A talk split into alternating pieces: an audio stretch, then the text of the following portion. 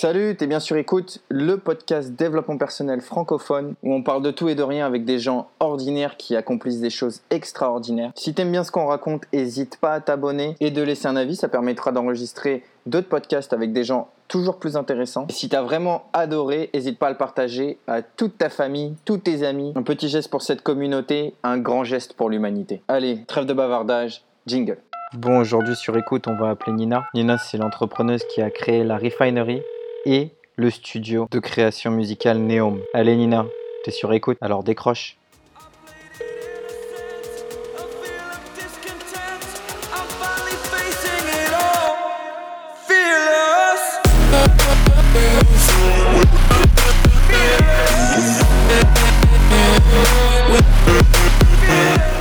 Allô? Allez, la série L'entrepreneuse Nina est enfin disponible sur mon podcast? Comment tu vas bien? Ça va super. Et toi? Ça va, t'en as pas marre d'être un danger sur la route? Non. Non, je pense que c'est bien de marquer son territoire. T'as raison, il faut s'imposer. C'est ça. Ce sera publié, ça? On publie ce que je veux. c'est moi qui décide. D'accord. Donc, je que je fasse attention à ce que je dis, quoi. Voilà, tu es sur écoute. J'ai pas confiance, du coup, je vais peser tous mes mots. hein.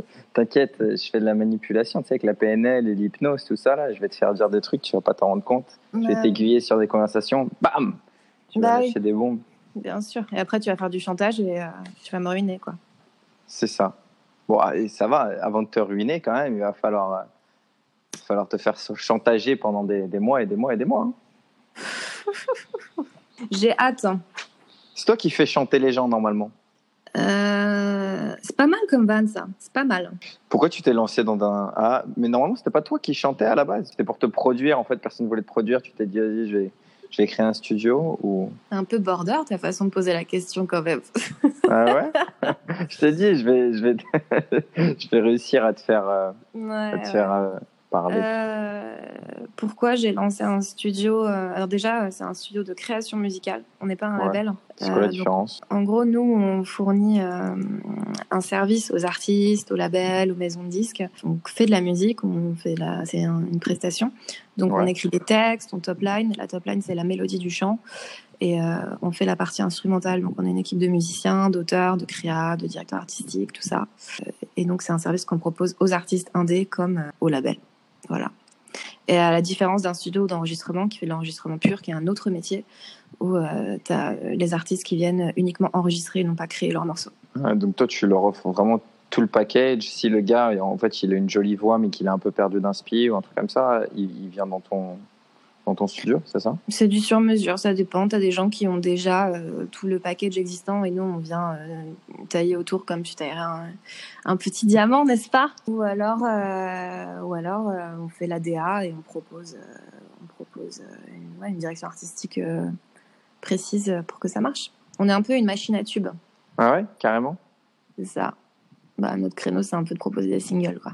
Quand tu viens, quand tu viens chez nous, en général, c'est c'est parce que tu cherches euh, le single qui fera que ton projet marchera. Quoi. D'accord. Et du coup, dans les tubes, t'as lancé qui?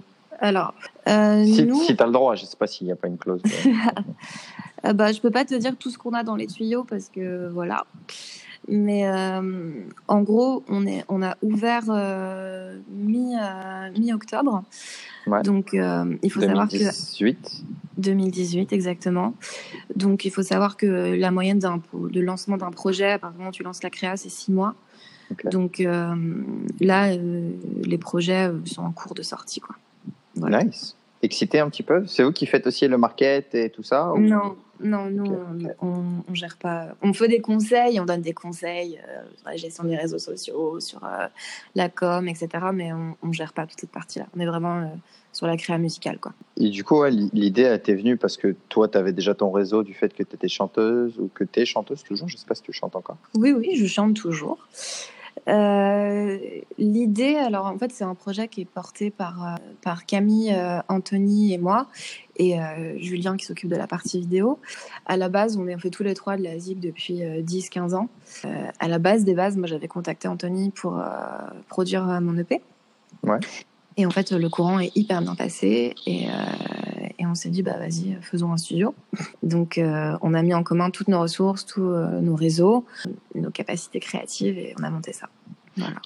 Parce que c'est un milieu très, enfin, je sais pas, je pense qu'il y a quand même beaucoup, pas de concurrentiel, je dirais, mais enfin, ça, ça, se tire pas un petit peu dans les, dans les pattes, le fait que ça fonctionne qu'au nom, à qui tu connais et tout ça, donc il n'y a pas un petit peu de, tu vois ce que je veux dire, de bagarre là-dedans C'est un marché qui est un peu saturé sur euh, le côté euh, studio d'enregistrement, mais sur le créneau création musicale, on n'est pas beaucoup à faire ça.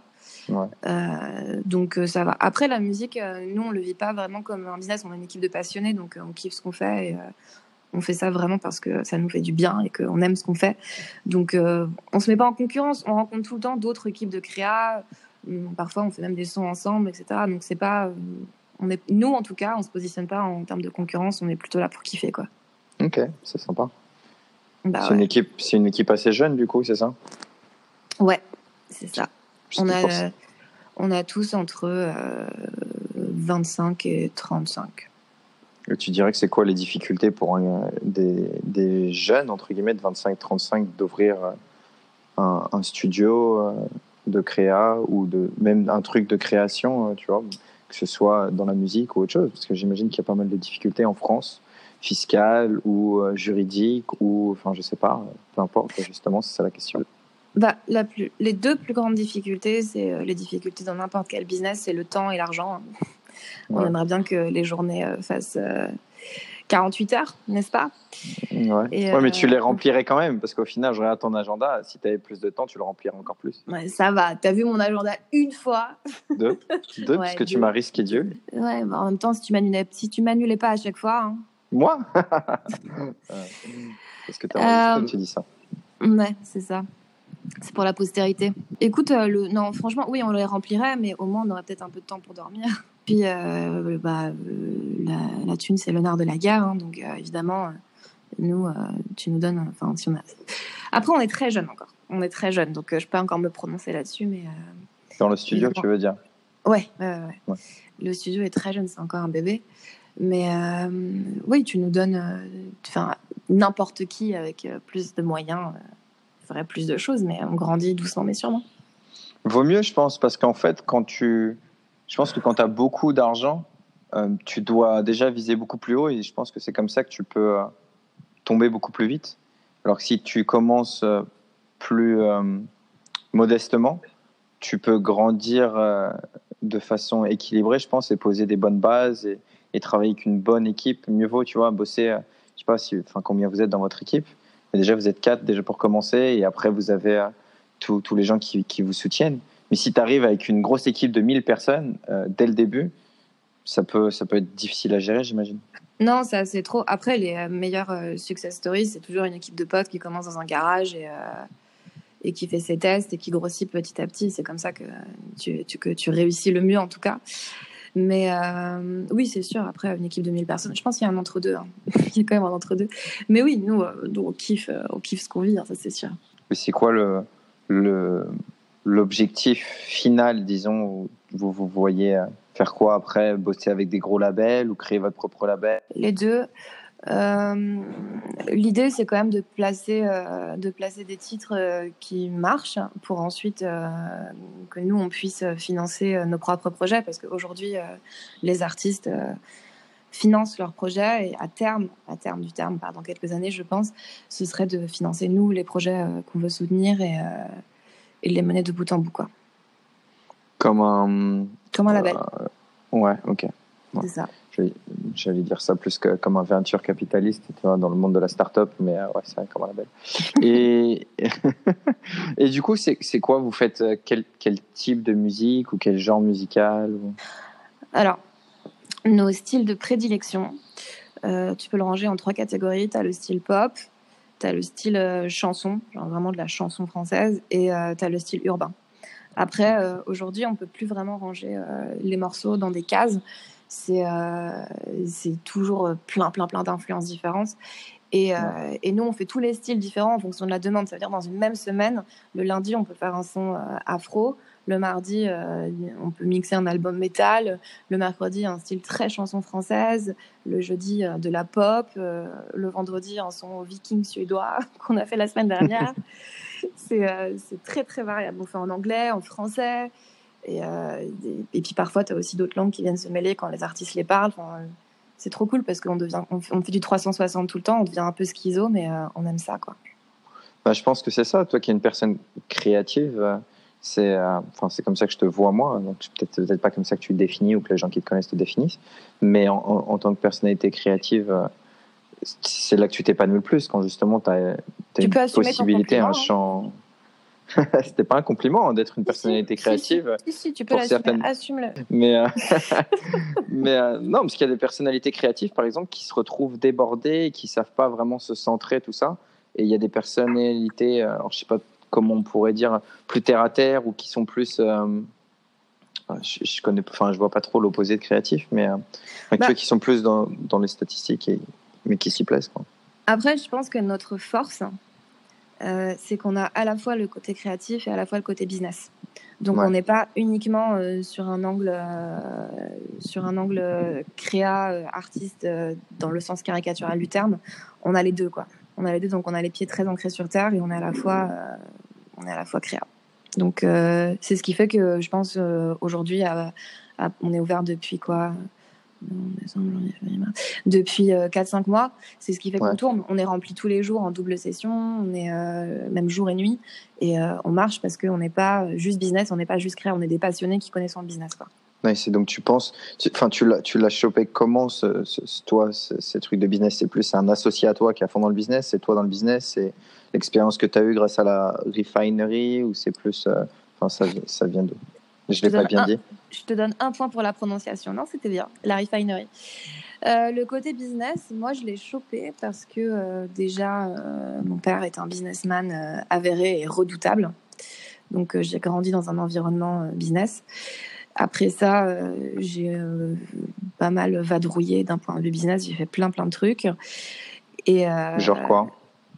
Genre, euh, genre quand j'avais 18 ans euh, et que j'avais besoin de fric, j'ai commencé à bosser à McDo, ça m'a saoulé et j'ai monté mon propre truc euh, de traduction et d'interprète pour pouvoir me faire du fric. Donc j'étais en freelance pour plein de boîtes et j'ai vu qu'il y avait un, besoin et donc je faisais de la trad et puis j'étais ah oui. Pour la petite anecdote, le truc le plus drôle que j'ai pu faire, enfin c'est pas drôle, mais c'est une anecdote intéressante. Euh, j'ai corrigé et j'ai écrit pas mal de thèses. Donc en fait, je devrais être diplômée de plein de trucs. Quand j'avais besoin de fric, j'écrivais des thèses en fait, à la place d'étudiants. Euh, à la place d'étudiants, je faisais leur mémoire en fait, leur mémoire, leur thèse, tout ça. Et euh, donc c'est la débrouillardise quoi. Tu vas chercher le fric là où il est et là où tes compétences te le permettent. Donc il y a eu ça et puis puis oui, comme tu sais, j'ai monté la refinery il y a quelques années qui tournait très très bien. Et Pourquoi tu tournais bah parce qu'aujourd'hui, c'est entre je l'ai mis entre parenthèses pour pouvoir me mettre à fond sur Neon Factory. En fait, la refinerie a vraiment été, a été mise en stand-by. C'est pas fini, hein, c'est encore vivant, ça existe, etc. Mais on ne fera pas d'event euh, pendant encore quelques mois, le temps que Neom euh, roule, quoi. Ok. Je préfère faire une chose et la faire bien, plutôt que de me faire piller. D'accord, bah justement, tu la faisais bien, euh, la refinerie, ça marchait bien. Tu gagnais de l'argent, mais tu en plus aidais des gens Enfin, je sais pas si les gens qui connaissent pas la refinery, si tu veux expliquer un petit peu le concept. Alors la refinery, c'est euh, à la base un e-shop euh, de vêtements vintage. Euh, et on faisait des events en mode after work shopping ou shopping party sur tout un week-end où tu arrives et c'est entrée gratuite, il y a open bar, il y a une expo, il y a une tatoueuse, une make-up artiste, il y a un DJ set tous les soirs. Euh, et, des vêtements vintage partout à prix cassé. Et euh, une grosse partie des bénéfices sert à financer euh, nos propres actions humanitaires. Donc nous, on fait des dons de vêtements aux personnes démunies. Donc on est en partenariat avec une association qui s'appelle le Carillon, qui met des euh, autocollants dans les vitrines de commerçants partenaires. Et chaque autocollant correspond à une action qu'une personne démunie peut faire. Ça veut dire avoir un verre d'eau, un repas chaud, passer un coup de téléphone, etc. Et nous, on les a contactés à nos débuts en leur disant bah, c'est trop cool ce que vous faites, c'est dommage que vous n'ayez pas l'autocollant vêtements. Donc on leur a fait rajouter ce sticker-là.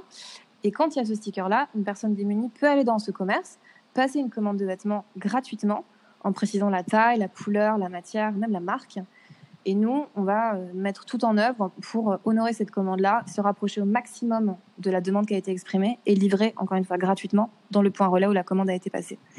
Donc, c'est vraiment dans une logique d'essayer de, de, restaurer un peu de dignité humaine. C'est comme si tu passais une commande sur Internet, en fait. Tu reçois ton petit colis avec les vêtements que tu as commandés. Et donc, la refinery, on faisait ça. Euh, le dernier event, on a eu 6000 personnes sur un week-end, on a cartonné. Euh, c'était très très cool. On était euh, une centaine, une centaine de bénévoles.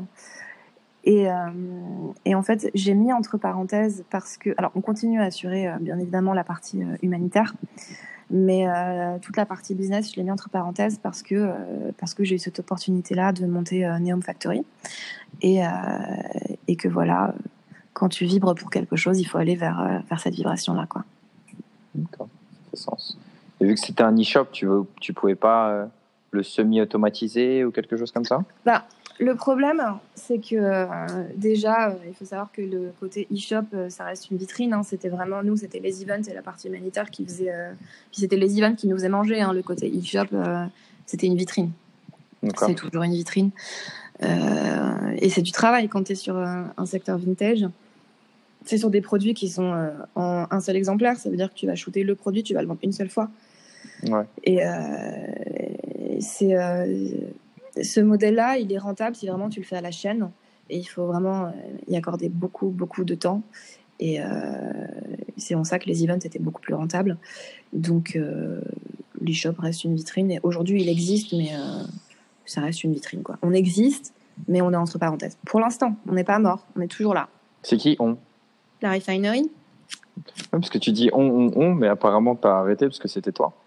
La refinery, c'est euh, une centaine de bénévoles. Donc, euh, on assure toujours euh, le côté humanitaire, mais pas le côté business. Voilà. D'accord, sympa. Et, et d'où le nom Néom? Parce que quand je l'ai vu, ça m'a fait penser à Néochrome, en fait. c'est vrai. Ouais. je sais pas si c'est le label ou. Enfin, je sais pas si c'est un label, mais je sais pas si c'est le nom auquel tu avais envie de te rapprocher le plus, mais pour ceux qui connaissent pas Neochrome, bah, vous n'avez pas loupé grand chose. Même si moi j'aime beaucoup les gens qui s'en sortent, mais sur certaines personnes.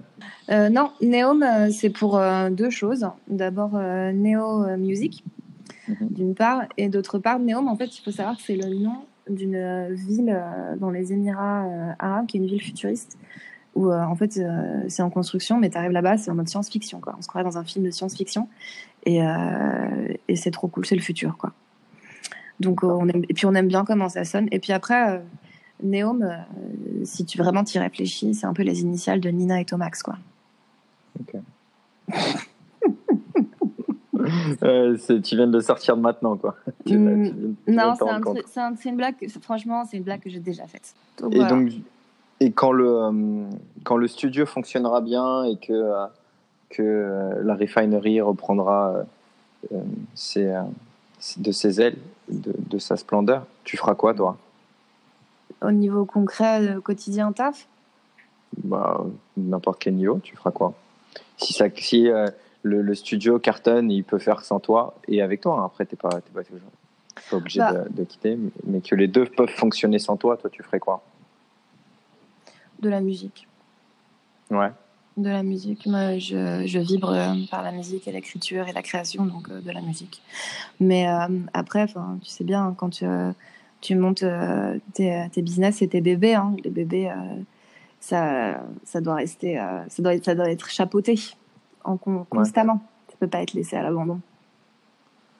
Donc, toi, tu penses que, quand, enfin, parce que c'est marrant justement il y, a cette discussion de savoir si à un moment ou à un autre quelqu'un veut te le racheter, tu es prêt à, le revendre et à t'en séparer ou de mettre quelqu'un qui peut-être est plus business ou plus création ou plus tu as quelqu'un qui est plus que toi entre guillemets qui mhm. peut euh, pour toi c'est plus de garder quand même un, contrôle ou, ou, un œil en tout cas mhm. plutôt que de te séparer de tes business après ça dépend euh, ça dépend euh, de des propositions, ça dépend de ce qui peut en découler. Je veux dire, si demain on te propose de te racheter ta start-up euh, à prix d'or et que toi, cet argent-là, tu peux t'en servir pour créer quelque chose d'encore plus euh, gigantesque, évidemment que tu le fais.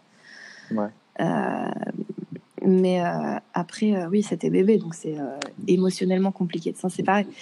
Mais après, je pense que au-delà de, vendre, déléguer, évidemment, ça fait partie du business et c'est un talent, c'est un talent que l'on développe chaque jour parce que c'est déléguer, c'est aussi c'est compliqué.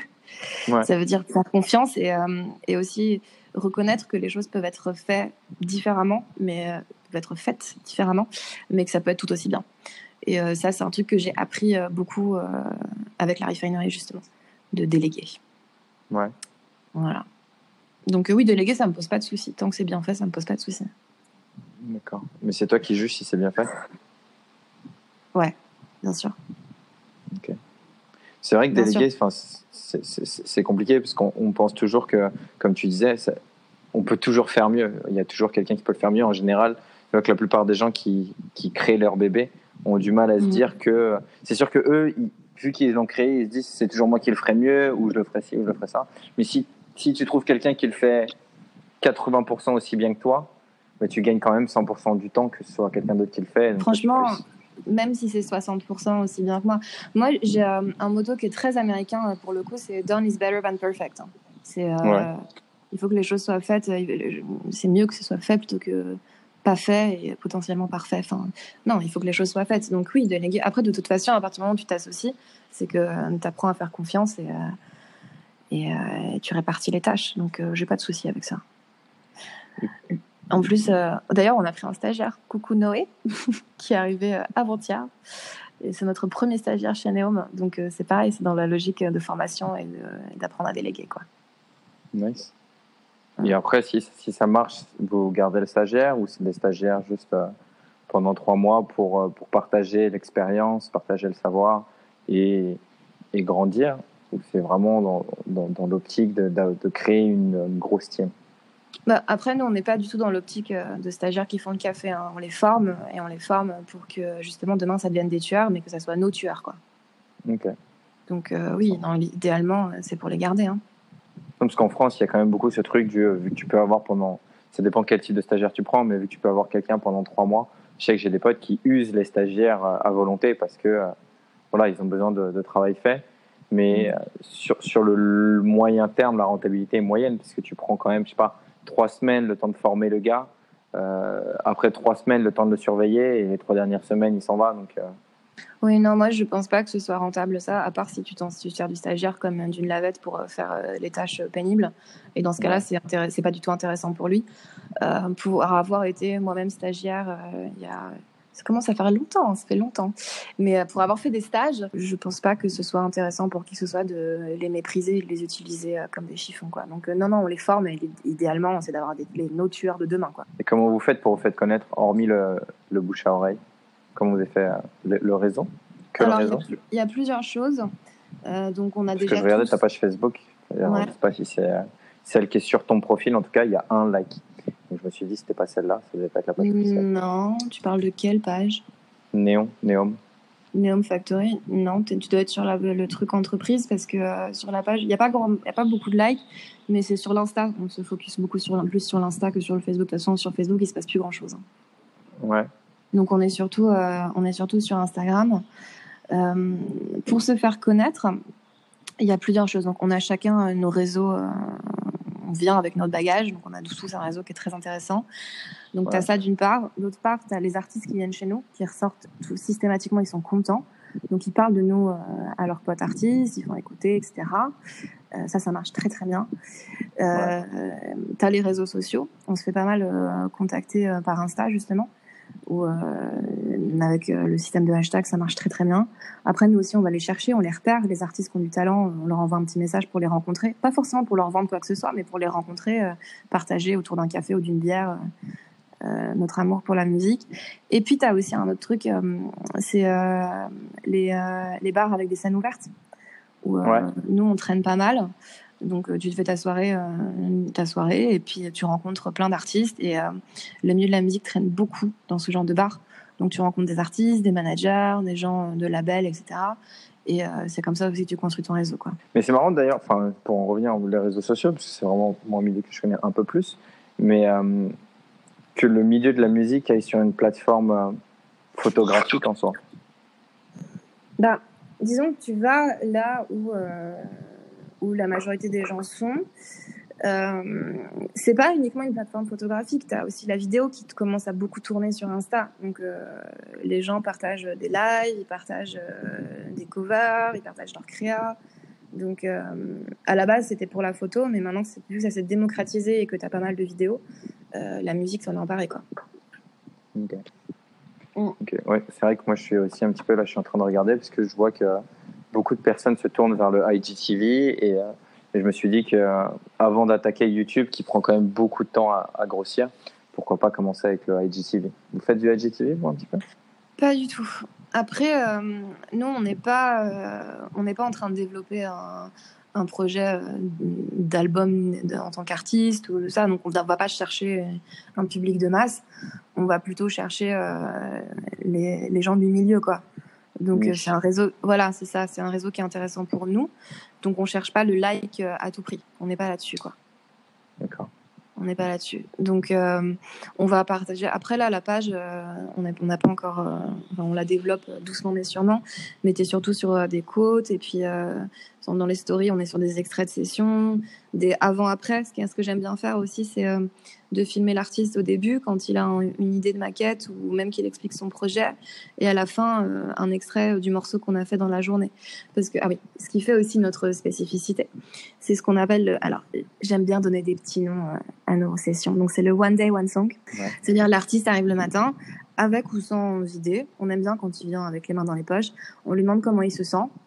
Euh, c'est vraiment son état émotionnel à ce moment-là, ce qui s'est passé les jours précédents, et on part de ça pour créer la musique. Ça veut dire que vraiment, on est dans une espèce d'émulsion créative où euh, tout se fait à un instant T. On va pas étirer sur le temps, euh, sur des semaines de créa. C'est vraiment une journée où on va faire l'instrumental, on va écrire le texte, on va faire la top line, on va enregistrer la démo, et à la fin de la journée, l'artiste repart avec son morceau. Et ça, c'est une façon de travailler qui est, qui est vraiment propre à Neon Factory où euh, tu es dans l'émulsion créative du moment. Tout le monde met la main à la pâte et euh, à la fin, le morceau, euh, il détonne. Quoi. Et donc ça, je partage, je partage des vidéos de ces sessions-là en story. Et ça, c'est propre à vous-même. Et d'où ça t'est venu, cette idée-là? Tu l'as, tu l'as vu dans un concept ou c'est juste c'est comme ça que tu travaillais avant? Ouais, bah, nous, on travaillait déjà comme ça. Et on s'est dit, bah, on va appliquer ça à nos sessions avec nos artistes, quoi. Et euh, j'allais dire, après, as aussi, on a décliné ces formules-là. Tu as le One Day One Song Plus, où c'est un jour et demi pour euh, pouvoir refaire les prises voix. Et tu as le Cover Up, où en fait l'artiste vient, il a choisi une chanson qu'il veut faire en cover. Et au lieu de le faire en cover en prenant une instru lambda euh, sur YouTube, nous, on lui fait une cover sur mesure. On adapte parfois les top lines à, à, son univers musical, etc. Et, il repart avec une cover qui est vraiment propre à, propre à son univers artistique. donc le mec, en fait, il arrive aujourd'hui il a, il a rien du tout. Demain, il, peut lancer son album. C'est ça. Enfin, son single. C'est ça. Nous, on, vraiment, on, l'aide à créer le produit. Et du coup, en allant aussi vite, t'as pas peur de, dans six mois de plus avoir euh, personne euh, à, à, publier. Alors, je sais pas si on dit publier, mais à sortir. si vous allez aussi vite. Non, la musique. Euh, bah, après, si tu pars de ce principe-là, tu devrais te dire, bah, ça fait quand même euh, vraiment très longtemps que l'univers fait de la musique, donc euh, c'est bizarre qu'il y ait encore des chansons qui se créent. Non, c'est des chansons, des gens qui font de la musique, il y en aura toujours, des gens qui ont du talent, il y en aura toujours. c'est quelque, quelque chose qui est inépuisable. La créativité, c'est épuisable quand même, non? Tu penses pas? Au bout d'un moment, si tu. En fait, pour moi, c'est surtout le, sur, la, sur la vitesse à laquelle vous créez c'est comme manger très très vite, tu vois. Au bout d'un moment, tu, tu fatigues. Ouais, mais tu vois, y a, pour moi, il y a deux écoles. Il y a ceux qui vont créer parce qu'ils veulent réussir, donc euh, la création, ça reste un moyen de réussite. Et il y a ceux qui vont créer parce qu'ils ont besoin de créer. Nous, on, est dans une, on a besoin de créer, en fait. C'est euh, bah, comme manger. Tu as, besoin de manger pour vivre. Nous, on a besoin de créer pour vivre. Donc, euh, quand tu as cette espèce d'urgence vitale qui fait que ta création, elle vibre, c'est inépuisable. Tu es, es, sans arrêt T'as beau avoir mangé le midi, le soir t'auras faim. C'est pareil pour nous, pour la musique. Ça t'est jamais arrivé d'avoir une panne de créativité? Non. Non, parce que euh, on touche à des univers qui sont très différents euh, tout le temps, et surtout, euh, la, donc, as ce que nous on va créer de notre côté, mais tu as aussi par les artistes qui viennent nous voir, et c'est des sources d'inspiration inépuisables. Bien, notre truc à nous, c'est que quand l'artiste vient me voir, donc au début c'est vraiment une heure de séance comme chez le psy quoi. Où je vais discuter avec, euh, chercher l'écorchure, chercher ce qui fait, euh, ouais, ça, la, beauté de sa blessure en fait. Et je, prends des notes sur les mots qu'il emploie et je vais traduire tout ce qu'il a employé en musique dans, dans le texte et après euh, on va après on le fait tous ensemble en musique, on le traduit en musique quoi. Donc non, c'est on, on, est vraiment des sages-femmes, on aide l'artiste à accoucher de son morceau. Donc euh, c'est inépuisable ça. Il y a autant euh, de potentiels artistes que d'êtres humains sur Terre. Donc euh, je pense qu'on a de la marge. C'est marrant parce qu'en fait, c'est, enfin, ta façon de travailler, elle peut se transposer dans beaucoup, beaucoup, beaucoup de business, genre de, de nicher, de, de trouver vraiment ce qui fait l'individualité de la personne pour le personal branding et tout ça. ouais. donc c'est très intéressant de, de, voir ça. Moi, la question que je voulais te demander tout à l'heure et qui n'a rien à voir, c'est pourquoi tu penses que Nina, elle, fait plein de business qui sont pas spécialement, euh, qui sont très différents et elle réussit toujours à son échelle, hein, mais euh, parce que la réussite, euh, chacun y voit sa propre définition. Mais pourquoi elle s'en sort à chaque fois? Parce que parce que je mets de la bienveillance dans tout ce que je fais. Et tu peux tout à fait être un requin, mais un requin sans bienveillance, il sera jamais heureux. Donc tandis que quand tu mets de la bienveillance dans ce que tu fais, et eh ben tu tu, c'est par effet de ricochet, donc euh, les gens autour de toi t'en donnent et, euh, et, ça avance plus vite. Et ça avance bien et ça avance joliment. Donc, euh, et puis quand tu fais les choses par passion et non pas uniquement motivé par un but pécunier, le fait de te lever le matin, c'est pas uniquement pour l'argent, c'est parce que t'aimes ce que tu fais. Donc il n'y a aucune limite après. Ouais, puis toi tu te couches même pas, donc comme ça, c'est beaucoup plus une, on avait dit qu'on donnait pas, mais on donnait pas de détails sur ma vie privée. tu dors, tu dors aussi dur. Ok, non, c'est intéressant ce truc de la bienveillance parce que je pense que, que c'est ce qui manque un petit peu. En tout cas, il y a beaucoup d'entrepreneurs. Quand, quand j'ai commencé un peu le coaching, ou en tout cas quand on a fait l'Icom Villa à Bali euh, il y a deux ans maintenant, c'est ce que je me suis aperçu qu'il y a beaucoup de gens qui sont lancés dans l'entrepreneuriat pour voilà, pouvoir vivre leur vie, être plus indépendants, euh, avoir une certaine liberté financière, mais aussi, enfin, tu vois, de pouvoir travailler euh, de chez eux ou d'où ils veulent. Mm. Et, et ils perdaient vraiment cet objectif parce que, comme tu disais, ils travaillaient que pour un but pécunier et ils se sentaient très vite, euh, ben voilà, euh, perdus, démotivés, près bah du burn-out et tout ça. Mais parce que la thune, la thune, c'est pas un objectif en soi. Tu vas pas t'enterrer avec tes dollars. Je veux dire, ce qui compte à la fin, c'est toutes ces, ces, ces additions d'instants qui font que ta vie a été merveilleuse. après, en fait, je pense que la différence entre un entrepreneur classique et, moi, c'est que certes, j'ai une vision à court, moyen, long terme de tout ce que je fais, mais ce qui compte le plus, c'est l'instant dans lequel tu te trouves. Et l'instant dans lequel tu te trouves, il doit être parfait, en tout cas en termes de ressenti pour toi. Euh, donc, euh, si tu es là à vivre pour souffrir dans l'espoir de dans 10 ans être riche et heureux, ça sert à rien. Donc, euh, être bien dans ce que tu fais à l'instant où tu le vis, c'est ce qui fait la différence, quoi. En tout cas, moi, c'est mon leitmotiv. Et, euh, et si je peux donner un conseil aussi à ceux qui veulent se lancer, c'est de commencer par euh, se former à tout ce qui est euh, PNL, communication non violente, tout, ce domaine-là qui est très vaste, mais qui est très concret aussi. si tu le maîtrises, tu es le roi du pétrole. Quoi. Pourquoi tu penses ça parce que ça t'aide de un à mettre de la bienveillance dans ce que tu fais, ça t'aide à communiquer avec les gens parce que ton frein principal de toute façon c'est la communication avec les gens, tout le temps, c'est ça. C'est les conflits humains. Au-delà euh, évidemment du frein financier, dans le concret des choses, au jour le jour, c'est les conflits humains. Et, euh, le fait euh, de maîtriser justement tous ces outils-là, ça permet de désamorcer des bombes qui pourraient t'exploser à la gueule et qui au final n'explosent pas parce que tu les as désamorcées à temps. Quoi. Et ce qui fait que ton quotidien est beaucoup plus facile à vivre, que tes équipes, elles sont heureuses de travailler avec toi, et, etc., etc. Tu crois, toi, au frein financier? Non, non, c'est du bullshit, ça. Mais il y en a beaucoup euh, qui estiment que euh, c'est le frein, le, frein principal. Mais non, moi, j'y crois pas du tout. Je veux dire, moi, mon père, quand il est arrivé, euh, il est arrivé d'Iran, il avait ses poches, elles étaient vides. Il n'avait pas un euro, un franc à l'époque dans les poches, et il a monté, il a monté sa boîte de rien, quoi. Et aujourd'hui, ça tourne très très bien, il s'en est très bien sorti. Donc non, le frein financier, ça n'existe pas. C'est du bullshit. C'est un coup, du coup, maintenant, l'auditeur, il va se dire, donc toi, tu n'as pas commencé de rien? Si. Ouh là là, si. Ouh là là, si. Euh, si, si, moi j'ai commencé, euh, commencé avec, euh, avec rien, puisque de toute façon la fripe, c'est des vêtements, des vêtements recyclés. Donc on est sur aussi bien la, la, refinery qui est sur un concept de vêtements recyclés que Neom Factory qui est sur de la musique. C'est sur quelque chose qui nécessite un investissement minime. Tu es d'un côté sur le recyclage et de l'autre sur de la créa, donc ce qui est dans ta tête et dans tes oreilles. Donc non, tu peux tout à fait créer quelque chose à partir de ce que toi tu sais faire. Et le, ou d'une ressource, ou d'une ressource que tu trouves à, à, moindre coût. Et le ROI Il est bon. Non, mais pour quelqu'un, enfin, tu vois, on parle de quelqu'un qui veut. Parce que les gens vont dire, aujourd'hui, il y a le frein financier. Bah, L'exemple concret, j'ai une, une, une, amie à, moi qui habite ici à Phuket.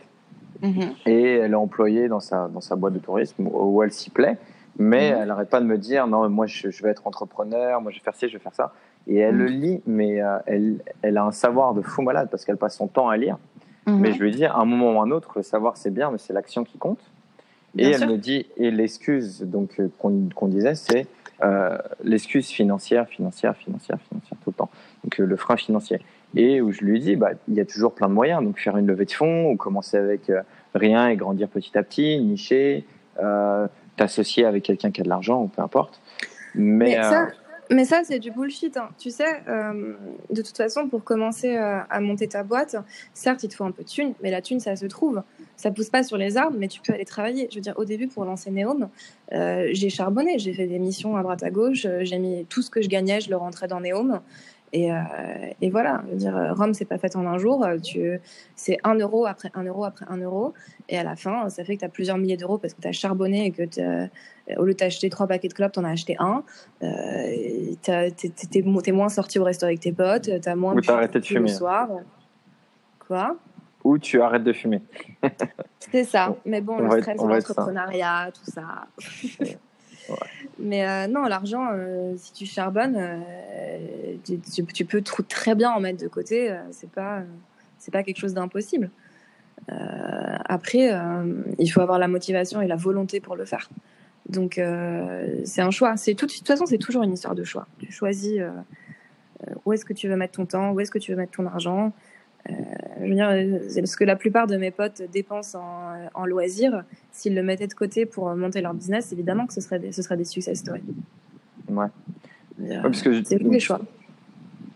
Ce que, je, ce que je voulais dire, c'est que tu, tu disais qu'on pouvait commencer juste avec de la créativité ou juste euh, le bootstrapping, en fait, de commencer avec un truc qui ne vaut pas spécialement cher et puis mhm. de, l'éditer. Toi, c'est ce que tu faisais un petit peu. Il me semble que vous retouchiez des, vêtements un petit peu euh, pour mhm. la refinerie.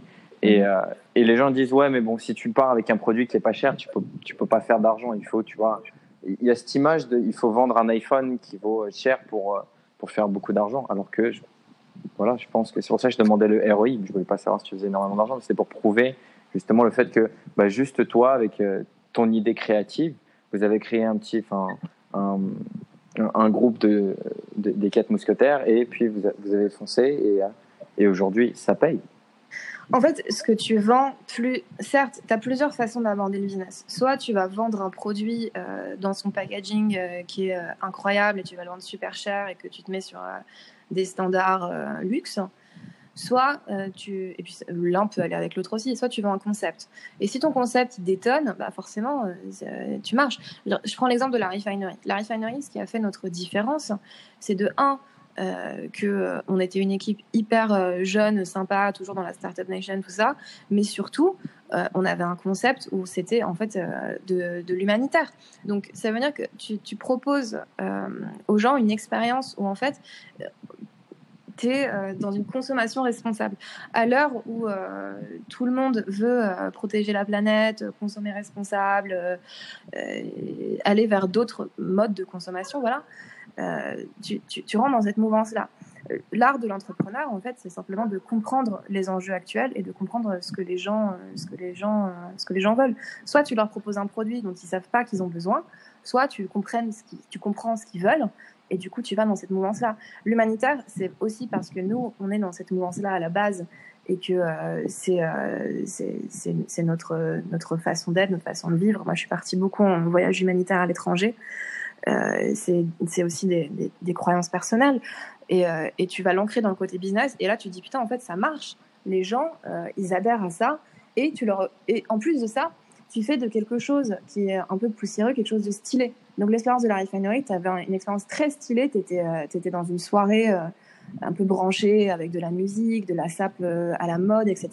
Mais en même temps, tu faisais une bonne action.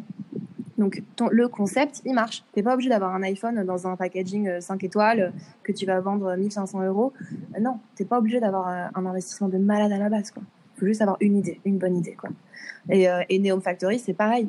On est là euh, sur, euh, on est sur une, créativité où c'est l'émulsion créative que nous on vend. Certes, on va vendre notre talent de créa, mais aussi le fait de faire une chanson en une journée, ce qui est plutôt rare, et, et notre, nos, visions en tant que DA et, et la, modernité alliée au côté musicien, parce qu'on n'est pas des beatmakers, on est des musiciens. c'est tout ça mélangé qui fait qu'on est différent. L'expérience client est plus importante que le produit. Ouais, je suis bah tout à fait d'accord. Sauf, il y, a un truc où une bonne idée ne suffit pas en fait. Dit à un moment la bonne idée suffit et je pense que la différence euh, que, que, tu as faite par rapport à beaucoup de gens qui ont plein d'idées, c'est que tu as décidé de mettre en pratique. c'est l'exécution. Bien sûr, c'est l'exécution. De toute façon, une des bonnes idées, il y en a tous les jours, à tous les coins de rue. Hein. Tout le monde J'avais un, il y avait un mec avec qui je travaillais qui m'avait dit un jour, tu sais, euh, si tu as une idée, s'il n'y en a pas 10 quand il a la même idée en même temps que toi, c'est que c'est pas une bonne idée. Ouais. Et, euh, et, je trouve ça très vrai. Et en fait, c'est pas, euh, certes, le, après, ce que, moi, ce que, je, ce que je mets derrière le concept, c'est pas uniquement l'idée, c'est vraiment l'exécution aussi. C'est tout ce cheminement, c'est l'expérience client, c'est ton produit plus l'expérience client. Donc, euh, tu peux avoir la meilleure idée du monde si elle n'est pas bien exécutée et euh, pas bien marketée et pas que ton expérience client n'est pas un succès, forcément que ce sera pas bien. On dirait c'est l'idée, l'idée sur un projet, sincèrement, c'est même pas 10%. Hein. Et comment tu as fait pour décider de passer d'une idée à une action? Des couilles. Ouais, alors ça c'est. ouais, mais euh, ce que je voulais dire, c'est comment tu t'es dit, ça c'est l'idée sur laquelle j'ai envie de passer à l'action? J'ai mal formulé ma, ma question. Bah, à la base. Parce que j'imagine que tu en as eu plein des idées. Ouais. Mais pour la refinery, euh, moi, à la base, je suis très euh, branchée humanitaire. J'aime beaucoup la SAP. Je me suis dit, comment je fais pour mettre les deux en commun? Bim, voilà, la refinery est née. Pour Neom Factory, on s'est dit, on était, on était plusieurs, on s'est dit, bah, on a tous des compétences qui sont différentes. On adore faire du son. On vit pour ça. Euh, est-ce qu'on ne mettrait pas euh, tous nos univers et nos compétences en commun et bim, euh, Néo Factorienne euh, C'est juste, tu as à la fois le fait de pas vouloir bosser pour quelqu'un d'autre et de donner toutes tes journées, toutes tes nuits pour quelqu'un d'autre qui te motive, mais tu as aussi le fait de vibrer pour ce que tu fais. Si tu te lances dans une aventure entrepreneuriale et que tu vibres pas pour ce que tu fais, ça va pas durer très longtemps. Ou alors tu seras malheureux. Je pense qu'il y en a beaucoup qui prennent la seconde option, qui préfèrent être malheureux, mais mais avoir une certaine sécurité. Qu'elle soit pas forcément financière, hein, mais juste de se dire demain, je sais où je serai. C'est un choix, c'est pas le mien. Et, après, c'est des gens en burn-out. Ouais, ouais, ouais.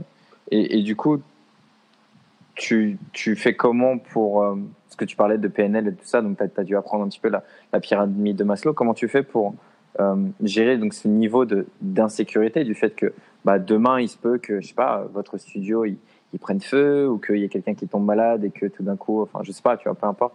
Attends, je euh, touche du bois. Ouais, pardon. La superstition, tout ça. Ouais, du, euh, du euh, musicien, enfin de l'artiste. Mais enfin, comment tu fais pour justement, parce que les gens qui ont peur d'être entrepreneurs, en général, c'est ça, c'est qu'ils n'ont pas peur d'être entrepreneurs, c'est juste qu'ils ont peur de, de la peur, qu'ils y attribuent. Moi, j'ai pas peur de l'échec. au pire, ça marche pas, ben, on fera autre chose. Hein c'est pas la fin du monde. Ça, c'est très français de se dire euh, oh là là, euh, si je rate, c'est la fin du monde. Non, aux États-Unis, euh, quand tu montes une start-up et que tu fais faillite, tu le mets sur ton CV et ça a plus de valeur qu'un diplôme. Et les gens, ils te recrutent plus facilement parce qu'ils vont se dire ah, lui, il sait ce qui marche pas. Donc, il refera pas deux fois la même erreur. L'échec, c'est formateur, c'est pas grave. En fait, juste de se dire c'est pas grave, au pire, ça marche pas. ça fait que du coup, tout va mieux, quoi. C'est, euh, bah, t'as dû le voir, euh, Into the Wild, le film. Ouais. Bah voilà, typiquement, hein. c'est euh, juste en fait. Bah, après, encore une fois, lui, c'est encore un autre concept parce que c'est plus sur l'inconscience des risques. Mais non, en fait, c'est pas. Et puis ça finit pas très bien non plus. non, mais non, mais le début où il est sur, il, est, il, réussit tout parce que il est, il est pas dans la conscience des risques. Non, en fait, c'est pas ça. C'est plus personnellement, j'ai conscience des risques. Je sais que l'échec, euh, voilà, ça peut être là, mais c'est pas grave. C'est pas, c'est pas, c'est pas grave en échec. Hein. C'est juste tu rebondis et tu fais autre chose, quoi. Oui, Ou puis alors souvent, tu le fais différemment et tu le fais mieux. souvent on labelle un échec, mais euh, qu'est-ce, enfin, c'est comme on, on aime bien mettre des labels, je pense, euh, échec, réussite et tout ça. On pourrait dire le fait, je sais pas, que que t'aies pas réussi un projet soit un échec, mais en fait c'est cet échec-là qui a fait qu'aujourd'hui tu as réussi. Donc est-ce que c'était vraiment un échec à la Non, base c'est un, apprentissage. Ça vaut toutes les écoles du monde, hein, ça, tous les diplômes, toutes les écoles du monde. Euh, le fait de ne pas avoir peur de se planter, ça fait que tu prends des risques plus facilement et que t'as- il faut, pour pouvoir gagner, il faut jouer. hein. Si tu ne joues pas, tu gagneras pas. tu, tu crois qu'il faut encore aller à l'école? Puisque tu as dit que c'est la plus belle école du monde, enfin la, la meilleure école du monde, euh, l'apprentissage, enfin l'échec. Et toi, l'école en soi, la vraie école, l'université surtout, parlons de, tu vois, Bah, tu crois encore? Je pense que c'est une bonne chose, que c'est une chance que dans nos- notre époque et nos sociétés, il y ait ça à dispo. Euh, à titre personnel, je trouve que les études sont trop longues et euh, trop dispersées et trop théoriques. Euh, après, euh, oui, je trouve qu'il faut aller à l'école. Après, euh, si demain tu as une super idée et que tu te dis ça, ça va marcher, ben évidemment, tu lâches tout et, et euh, tu montes ton idée, quoi. Que Euh, mais l'école, oui, ça te donne une, une, une façon de penser, ça te donne une façon de raisonner, ça te donne des connaissances que tu ne serais pas forcément allé chercher tout seul, ça peut te donner une curiosité. Après, ça, c'est moyennant que tu aies choisi les études, des études qui te conviennent. Mais euh, moi, j'ai lâché mes études en plein milieu parce que ça m'a gonflé, donc je suis pas un très bon exemple. Mais euh, Bah non, au contraire, justement, je trouve que tu es l'exemple. Mais c'est marrant, du coup, que tu prêches quelque chose Parce que tu as créé deux business, et en soi, est-ce que dans tes business, il y a des trucs que tu as appris? Quand je parle de l'école, je te parle pas de. C'est sûr, il faut aller, euh, tu vois, au moins jusqu'en. Enfin, je pense qu'un gars, jusqu'à 16 ans, il peut apprendre des trucs intéressants à l'école. Après, c'est sûr que si tu veux te spécialiser dans des trucs comme. euh, je sais pas, l'ingénierie civile ou être docteur ou être un truc comme ça, pourquoi pas continuer, faire la fac et des trucs. Mais en soi, toi, pour être entrepreneur, est-ce que t'as pas plus appris dans la rue et enfin quand je dis dans la rue, tu vois, enfin, si, si, si, bah évidemment que oui. Après, moi, j'ai fait un an où j'ai bossé en je agence. trouve pas justement, j'aime pas que tu dises évidemment parce que je trouve pas que ce soit évident. L'école, c'est à ça que ça devrait te préparer au fait de Non, pouvoir mais- être entrepreneur. Non, mais en fait, donc j'ai bossé un an euh, en agence euh, événementielle et euh, de communication digitale. Ouais. C'était très cool. J'ai plus appris en un an dans cette agence-là que durant toutes mes études. Euh, mais sans avoir fait mes études, euh, j'aurais pas eu accès à ce poste-là, tu vois. Donc, euh, je sais pas. Après, je pense qu'il faut un juste milieu. Tu peux faire des études, ça sert à rien de faire des études ultra longues. si tu veux te lancer dans le business, ça c'est sûr. Après, effectivement, comme tu disais, les métiers spécialisés, il y en a besoin de faire des études longues. Mais euh, pour le business, euh, c'est bien d'avoir quelques connaissances en marketing. Après, honnêtement, les écoles aujourd'hui, c'est plus euh, pour euh, choper un réseau qu'autre chose. hein. Tu vas choper un réseau de connaissances. Donc, euh, Ouais, c'est ce que euh, Igor, enfin, j'ai fait un podcast avec Igor sur la néopolitique et tout ça, et c'est ce qu'il me disait. Lui, il a fait Sciences Po en Russie, qui est en Ouais. partenariat avec Sciences Po, euh, Sciences Po Paris. Il me disait, en, en gros, il n'a pas appris grand chose là-bas, mais juste il s'est fait des, des relations de fou malade. Et c'est ce qui m'intéresse un petit peu, c'est qu'en fait aujourd'hui, le monde il évolue de fou. Où on parlait tout à l'heure, où tu peux faire ton propre personal branding, tu peux, euh, tu Ouais. peux toucher des gens via les réseaux sociaux. Tu vois, vous vous recrutez des gens, enfin vous recrutez, vous trouvez des artistes grâce aux réseaux sociaux, donc ça, ça te permet d'avoir un pouvoir quand même. Tu as tout ça dans ton téléphone et tu as accès à ton téléphone aujourd'hui quoi, 10-12 ans. Donc en Ouais. soi, dès, dès 10-12 ans, tu peux commencer déjà. à- Enfin, je sais pas, j'ai- vu des petits de, bah, de ça, 10-12 ans, 11 ans, je crois. C'est un petit, donc je sais pas qui sont leurs parents attention, mais aux États-Unis, ils ont déjà écrit leur bouquin sur euh, euh, ce motiv la, la motivation, euh, le, développement personnel à- quand tu es un écolier de 11 ans. Ça Oui, fout mais- malade. Les gars, ils sont multi-entrepreneurs à 11 ans. Oui, mais c'est ça des exceptions. Si tu prends vraiment euh, la population dans son entièreté, tu as plein de gens qui n'ont pas forcément accès à toutes ces ressources-là, qui n'ont pas la curiosité d'aller les chercher. Donc c'est en ça où les- que, que l'école reste intéressante quand même, où ça va chercher à éveiller une curiosité euh, que tu n'aurais pas eu par toi-même, peut-être. Donc euh, non, moi ma position c'est uniquement que les études, euh, elles n'ont pas besoin d'être aussi longues qu'elles le sont aujourd'hui. Mais euh, oui, Ouais. c'est important de faire des études. C'est pas nécessaire, mais euh, c'est important pour plein de gens. Ouais. Moi, j'apprécierais en fait que le qu'on apprenne la digitalisation, en fait, qu'on apprenne bah, le, le, personal branding, le marketing en ligne, comment utiliser Facebook Ads ou Instagram Ads, ou, tu vois, ou, bah, ça revient de plus en plus. Ou Shopify. Hein. Ou, ça vient de plus la, en plus. la fac. Ah ouais? Bah ouais, tu connais une école qui fait ça? Ouais, bah t'as plein d'écoles de commerce euh, qui proposent. Après, le problème, c'est que c'est dans des cours spécialisés, c'est quand tu arrives en master, etc. Pour moi, ça devrait être proposé au lycée, hein, mais euh, ouais. aujourd'hui, euh, c'est en master spécialisé et les profs, ils en savent pas forcément plus que toi. Mais, mais ça va venir. J'ai confiance quand notre génération commencera à devenir prof, ça va venir. Ouais, tu crois? Je pense que c'est pour ça qu'il y a beaucoup de secteurs privés maintenant qui cartonnent avec, bah, tu vois, The Family, qui est, qui est, le plus gros exemple, mais qui, qui forment des, euh, des bootstrappers en développement euh, euh, X, comment s'appelle UX ou un truc comme ça, euh, coding, développeur et tout ça, et où tu te fais un réseau et en trois mois, tu as ton diplôme de développeur alors que normalement il faut quoi? Il faut deux, trois ans. C'est ouf. Bah après, tu as aussi plein de sites qui proposent de se former au code en ligne avec des exercices hyper ludiques, hyper user-friendly, tout ça. Donc euh, aujourd'hui, tu peux te former tout seul. Quoi. Si tu as envie, tu peux te former tout seul. L'intérêt de l'école, c'est d'éveiller ta curiosité et ton intérêt pour une matière vers laquelle tu ne serais pas forcément allé, je pense. Mm. Le prochain projet, genre tu te verrais, je sais pas, dans le cinéma ou tu te verrais, je sais pas, dans la peinture, un truc comme ça, qu'est-ce qui éveillerait ta créativité aujourd'hui? Enfin, si tu avais euh, Nina, dans, Nina dans 15 ans. Mm, j'aimerais bien faire des films, ouais. Quel genre de film? Science-fiction. Vas-y, raconte-nous. Pitch, pitch-moi. Non, non, je te pitcherai pas. C'est secret défense. Non, mais je suis en train d'écrire euh, pas mal de scripts. Et puis je suis en train d'écrire un bouquin aussi, mais j'écris beaucoup de science-fiction. Donc euh, idéalement, dans 15 ans, je, mets, je fais des films. Euh, je fais, de, je fais de mes livres des films, idéalement. Après, dans 15 ans, tout ce que je me souhaite, c'est d'être heureuse. Hein. Encore. Oh, c'est beau. Bah, écoute. Comment tu fais pour être heureuse au quotidien? Parce que c'est ce que, enfin, en tant que coach, il y a beaucoup de gens qui me disent, ouais, qui, ne se rendent pas compte que tout ce qu'ils veulent, c'est être heureux. Donc, ils me disent, je voudrais gagner plus d'argent, je voudrais avoir plus confiance en moi, ou je voudrais une copine ou un copain, ou je voudrais ci, je voudrais ça, mais ils se rendent pas compte qu'ils veulent être heureux. Comment tu fais pour toi être heureuse? C'est ce que je te disais tout à l'heure, c'est euh, c'est l'instant. Je me focus sur l'instant présent. C'est euh, parce que ta vie finalement c'est que plein de petits instants mis bout à bout les uns après les autres et il euh, n'y a que le présent qui compte. Hein. Le futur, ça n'existe pas vraiment. Tu fais que traverser le présent.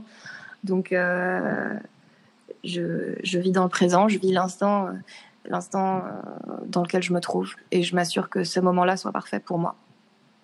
Voilà. C'est marrant parce que tu parles beaucoup avec. enfin, tu n'utilises pas les mots, mais il y a la gratitude et l'acceptation et tout ça, qui, qui ressemble vachement à, enfin, à des personnes qui méditent énormément ou qui, qui prient ou qui font du yoga, enfin des choses comme ça. Tu fais quelque chose comme ça? Tu as une pratique un peu ou c'est juste euh, ça t'est venu euh, comme ça? Non, je ne suis pas du tout euh, pour tout ce qui est théorie de la gratitude et machin. C'est pas du tout mon truc. Mais alors pas du tout. Mais alors pas du tout. C'est marrant parce que quand t'en parles, tu es très proche de ça hein, en soi. Non. Parce que tu profites du moment présent, tu es contente de, avec ce que tu as. C'est de la gratitude en fait. C'est, la gratitude, c'est savoir remercier ton présent. Oui, mais j'ai jamais parlé de remercier. Profiter. S'en rendre compte. Euh, non, parce que quand tu, parce que cette théorie-là, c'est vraiment de remercier même pour les choses horribles qui t'arrivent, de dire merci euh, parce que ça t'a appris des trucs, parce que si, parce que ça, ça, je suis pas du tout là-dedans, c'est pas du tout mon truc, je cautionne absolument pas ça. Et euh, non, c'est simplement faire en sorte que ton moment présent, il te convienne à toi et que tu sois physiquement à l'aise, que ton cerveau soit à l'aise, que tu sois heureux et content d'être là dans ce que tu es en train de faire. Donc euh, voilà, tout simplement. Du coup, s'il y a là quelqu'un qui est, euh, je sais pas, euh, sais pas quel âge il aurait la personne, enfin quel âge elle aurait la personne qui nous écoute, mais si elle a 20 ans, que ses parents lui disent de continuer tes études et qu'elle n'est pas heureuse dans ses études, qu'est-ce que tu lui dis de faire? Cherche des études qui pourraient te rendre heureuse. Hein. Et si les études ne te rendent pas heureuse, cherche un autre plan de vie qui en cet instant-là pourrait te rendre euh, heureux, tout simplement. Tu vis pas pour tes parents, tu vis pour toi-même. Hein. Ouais. S'il a 25 ans, qu'il est dans un projet pourri, et euh, enfin, tu vois, je sais pas, euh, que son taf lui plaît pas, ou qu'il a commencé l'entrepreneuriat et qu'au final, on, posera deux questions. Alors, tiens, d'abord, il est, il est dans son taf et son taf lui plaît pas. ben, réfléchis à ce qui pourrait faire en sorte que ton taf te plaise. Et euh, si tu ne trouves pas de réponse à, ce, à cette question-là, et ben, change de taf. Un entrepreneur de 25 ans, ou une entrepreneuse, hein, euh, une entrepreneur euh, de 25 ans, et son business ne fonctionne pas, il a envie de tout plaquer. Plaque tout? Ah, C'est marrant, je m'attendais à ce que tu dises tout ne fonctionne pas du premier coup, continue. Non, non. Je, si, si ton instinct te dit euh, que euh, ça va pas fonctionner, ben, plaque tout et puis fais autre chose. Euh, je pense que l'être humain s'est vachement éloigné de son instinct primaire, qui en fait a souvent raison. Et le fait d'écouter ce que toi, tu, tu, crois vraiment au fond de toi, ça peut vraiment te débloquer pas mal de situations. Après, si au fond de toi, tu te dis que c'est juste un caprice et que ça peut marcher, ben fonce et fais en sorte que ça marche. Il faut juste se positionner en solutionniste, c'est tout. Comment tu fais pour te positionner en solutionniste? Tu cherches tout le temps des solutions. Au lieu de te focus sur le problème, tu cherches les solutions. Tu as un plan A, un plan B, un plan C, un plan D. Et, euh, et quoi qu'il arrive, tu proposes des solutions à ce qui se passe. Au lieu de, de sans arrêt te dire Oh là là, c'est terrible ce qui m'arrive, comment je vais faire? Ben non, tu dis ben, Je vais faire ça, ça, ça et ça. C'est très PNL, ça. C'est très PNL de se tourner vers, le, vers les solutions et pas sur les problèmes. Oui, bah après, c'est très stoïcien, c'est très euh, ce que tu veux. Hein, c'est. Euh, Juste chercher la solution. La vie est courte. Hein. Pas pour tout le monde, hein, mais euh, pour, pour, certaines. Enfin, après, ça dépend à quelle échelle tu regardes. Mais euh, un bouquin que tu suggérerais, un truc euh, voilà, qui pourrait, je sais pas, changer une vie ou un, bouquin qui a changé ta vie. Bon, par exemple, c'est La semaine de 4 heures. En lisant ça, pas que tout était applicable, mais je me suis dit, tiens, il y a une autre façon de vivre. Hmm. Ne me dis pas ton bouquin de science-fiction non, mais euh, après, je suis pas très branchée euh, livre, euh, coaching, machin.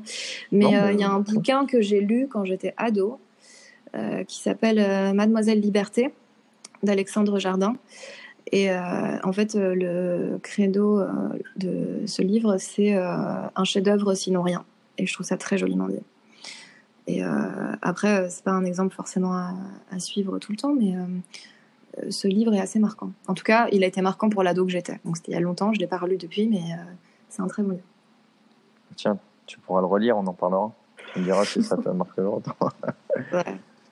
Non, mais il n'y a pas besoin d'être forcément dans le, dans le coaching. Je sais que moi, je me, je me souviens de l'avoir lu, mais il y a longtemps, mais il y avait le, le, le bouquin de, de, George Orwell avec les cochons, je me souviens plus comment ça s'appelle, 1950. 1984. Et c'est pas avec les cochons, tu confonds avec euh, les animaux de la. Je sais plus. Mais oui, je vois, je l'ai lu aussi, ouais. Et oui, il y a celui-là. Après, tu as aussi. Euh, il y a un bouquin qui m'avait pas mal marqué, c'est Tous les hommes sont mortels de Simone de Beauvoir. Pas lu. Très cool. Bah, C'est l'histoire d'un mec qui est immortel, en fait, qui traverse les époques et euh, tu comprends qu'en fait, c'est pas un cadeau, mais c'est plutôt une malédiction, quoi. Ouais, moi je me le souhaiterais pas hein, d'être immortel. T'aimerais toi? Non. Non, pas du tout. J'aimerais vivre plus longtemps que ce qui nous est donné, mais j'aimerais pas être immortel. Mais tu ne penses pas que si tu avais plus de temps, tu, comme, comme tout à l'heure, tu parlais de d'avoir des journées de 48 heures, tout ça. C'est vrai que le temps pour toi, ça a l'air d'être une, euh, une denrée rare. Ouais. Euh, bah ouais. Mais, bah ouais. mais, euh, mais je pense que si tu avais plus de temps, tu en voudrais quand même plus parce que tu, euh, tu voudrais faire encore plus, encore plus, encore plus. Bien sûr, on veut toujours plus que ce qu'on a. Mais euh, non, simplement plus de temps pour construire davantage, profiter davantage. Après, évidemment, tu, on te donne le double, tu voudras encore le double. Hein. Mais peut-être plus de temps en tant que jeune, alors dans ce cas-là. Ouais, vivre plus jeune plus longtemps. Avoir fait, euh, moins de responsabilités en fait tu veux dire ou? Non. Avoir avoir l'énergie physique euh, de faire euh, plein de choses plus longtemps je pense. Parce parce que tu penses que ça dure combien de temps cette énergie physique? J'en sais rien mais le corps au bout d'un moment il fatigue quand même bah, c'est sûr que si tu fumes comme un pompier, parce que tu dois être à ta cinquième clope, là, en... une clope toutes les 10 minutes. Peut-être que je, suis juste en train de se souffler dessus hein, et que je suis pas en train de fumer, voilà. Allez, euh, t'essayes de. J'ai chaud, j'ai un ventilateur déjà sur moi. Mais euh, il y, a des- il y a des techniques comme ça de. euh, je sais pas si tu t'es intéressé. euh, c'est un truc que je suis en train de faire qui a rien à voir avec ce qu'on était en train de dire jusqu'à maintenant, mais un truc que je suis en train de tester euh, qui est euh, de la respiration, des techniques de respiration Ouais. d'un Hollandais qui s'appelle Wim Hof. Alors, je sais pas, je sais pas comment ça s'appelle. Super Euh, accent. Ouais, Wim, W-I-M pour Wim, son prénom, et Hof, Hof, euh, H-O-F, je crois que c'est ça, ou H-U-F.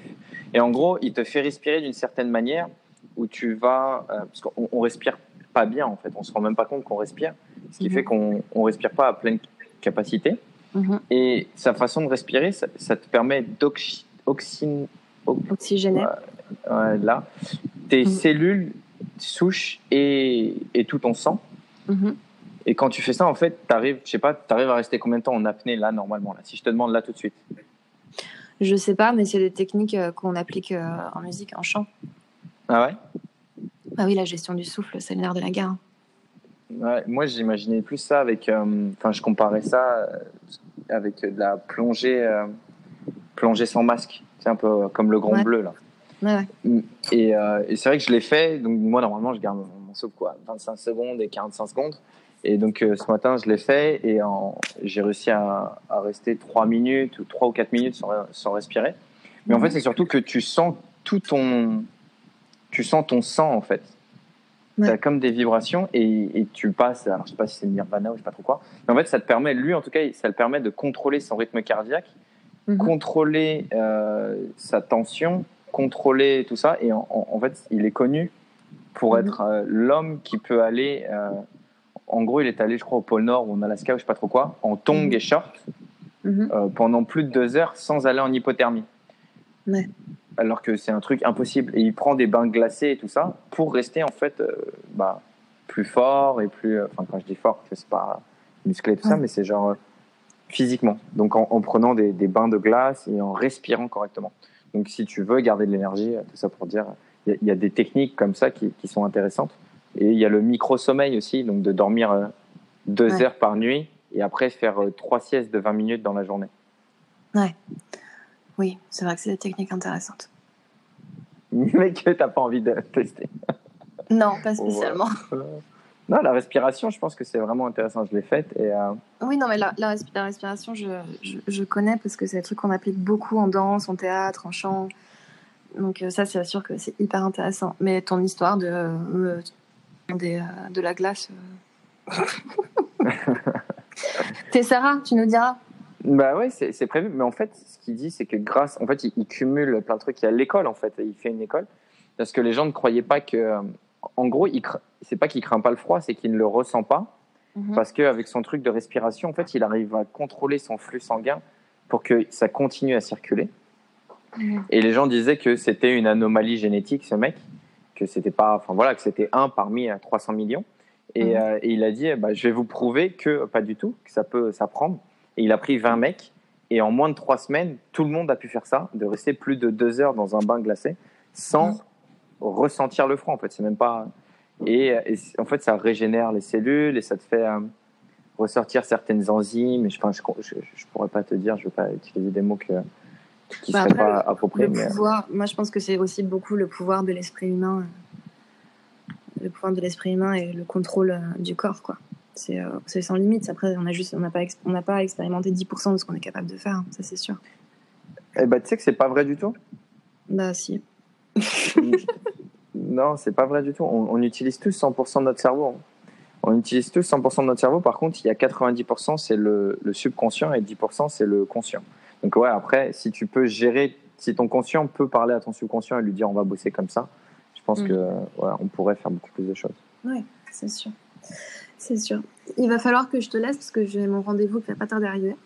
Ok, bah il faut juste que tu dises je raccroche. Ok. Il faut que je dise je raccroche. Ouais. Je raccroche.